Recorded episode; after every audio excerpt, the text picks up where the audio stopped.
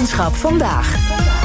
Groot nieuws op een Amerikaans congres. Het zou namelijk voor het eerst gelukt zijn om een synthetisch menselijk embryo te maken. Zonder dat daarbij een zaad of een ei en een eicel aan te pas kwamen. Ja, is het ook echt heel groot nieuws? Is het allemaal gelukt? Dat bespreken we met wetenschapsredacteur Carlijn Meinders. Hey.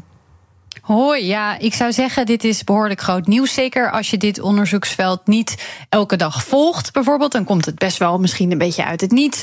Het is wel zo dat het voorlopig alleen nog gepresenteerd is op dat congres. De paper laat nog even op zich wachten. Maar het zorgt nu al wel voor aardig wat reuring. Ja, ik kan me voorstellen. Even, ja, ik heb meteen even klinische embryoloog in het Amsterdam UMC, Sebastiaan Mastenbroek, gevraagd hoe belangrijk hij dit nieuws nou vindt. Hij zei ja, logische vervolgstap van eerdere onderzoeken, maar wel een hele interessante, want met menselijke embryo's is dit niet eerder op deze manier gelukt. Dit onderzoek heeft ook bij muizen plaatsgevonden en daar waren ze al verder. Die ontwikkelingen daar gaan ook razendsnel. Ze hebben hier hetzelfde kweeksysteem en dezelfde manier om die embryo's tot stand te brengen is ook bij muizen al uh, plaatsgevonden. Daar is de ontwikkeling echter nog verder gegaan en hebben ze al muizen doorgekweekt zeg maar, tot ongeveer halverwege de zwangerschap. Waarbij ook al hartactie en hersenontwikkeling zichtbaar was met deze kunstmatige embryo's. Dat is bij de mens nu niet gebeurd. Daar hebben ze, uh, denk ik, bewust tot 14 dagen gekweekt. Want dat is in de meeste landen ook de wettelijke grens tot waar je menselijke embryo's mag kweken. Maar goed, geen zaadcel, geen eicel. Hoe maken ze die embryo's dan? Ja, dat gaat toch een stuk anders dan hoe dat meestal in de natuur gaat. Ja, dit is dus niet een embryo wat tot stand komt door een eicel en een zaadcel bij elkaar te brengen. Dit embryo komt tot stand door een aantal stamcellen uh, bij elkaar te brengen. Um, in dit geval embryonale stamcellen. En enige tijd geleden, enkele jaar geleden, is al uh, uh, aangetoond dat als je dat doet in het laboratorium, dat die cellen zich toch het vermogen hebben om zich uh, volgens normale embryo-ontwikkeling te ontwikkelen. In ieder geval in die hele vroege stadia.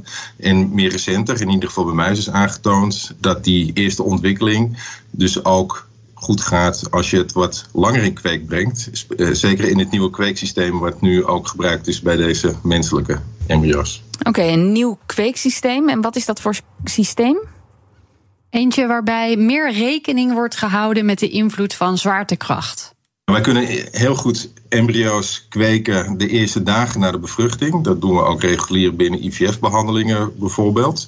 Zo ongeveer tot een week na de bevruchting. Dan bestaat een embryo ongeveer uit een klompje van 100, 150 cellen. Maar veel langer dan dat kunnen we, konden we eigenlijk uh, niet goed kweken. Um, nou, binnen patiëntenzorg of klinische toepassingen doen we dat zeker nog steeds niet. Maar in onderzoeksverband is men natuurlijk wel geïnteresseerd om dat uh, verder te kweken. Ook om de fase van embryo-ontwikkeling na de implantatie te bestuderen. Dat lukte echter nog niet, omdat als je dat doet, zakte eigenlijk zo'n embryo als een soort ja, pannenkoeken uiteen in je kweekbakje in het laboratorium. Enige tijd geleden is, heeft een onderzoeker in Israël een nieuw kweeksysteem ontwikkeld, waardoor die embryo's eigenlijk continu ronddraaien in een soort kweekflesjes. En daardoor hebben ze minder last van die zwaartekracht. En krijg je eigenlijk gewoon een hele normale embryo-ontwikkeling. Nou, maar Carlijn, ik hoor nu wel interessant voor onderzoek. Is het ja. dan ook de bedoeling dat je die synthetische embryo's in de praktijk, dus bij mensen, kan gebruiken straks?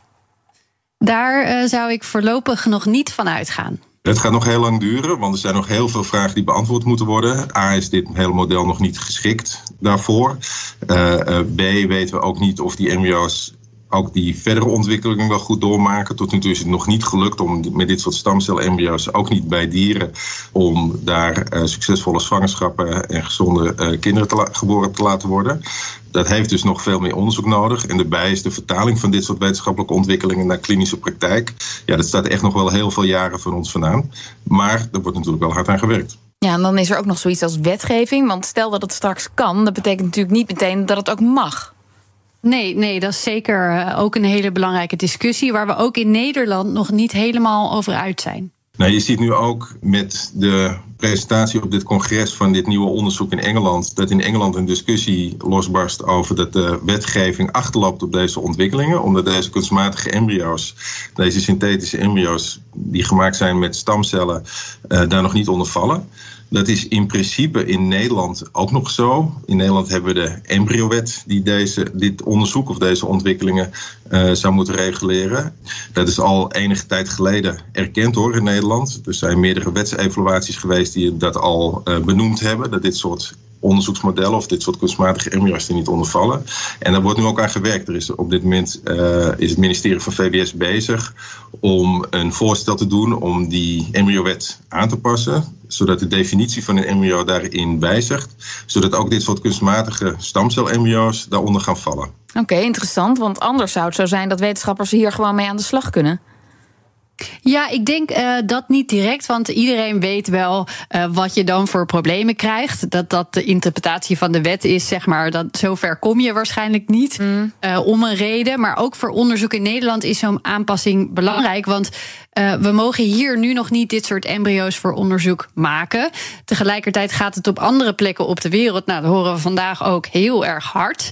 En als het eenmaal kan, dan is het een kwestie van tijd voor het in klinieken, misschien eerst privéklinieken, wordt ingezet. En dan, zeggen onderzoekers hier ook, kunnen we maar beter zelf ja. ook dit soort onderzoek doen. Ja. Zodat we zelf kunnen beoordelen of het nou wel zo veilig en effectief is. En niet afhankelijk zijn van het buitenland daarin, zeg maar.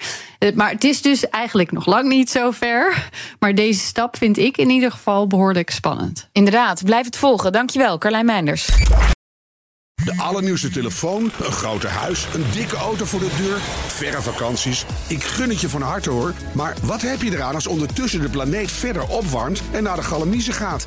Wil je echt weten hoe het zit en wat we eraan kunnen doen? Luister dan naar BNR Duurzaam. Elke maandag tussen 3 en half 4 op de radio en altijd online als podcast. Want die volhoudbare wereld, die maken we samen. BNR Duurzaam wordt mede mogelijk gemaakt door Milieuservice Nederland. De ondernemende afvalpartner voor zakelijk Nederland.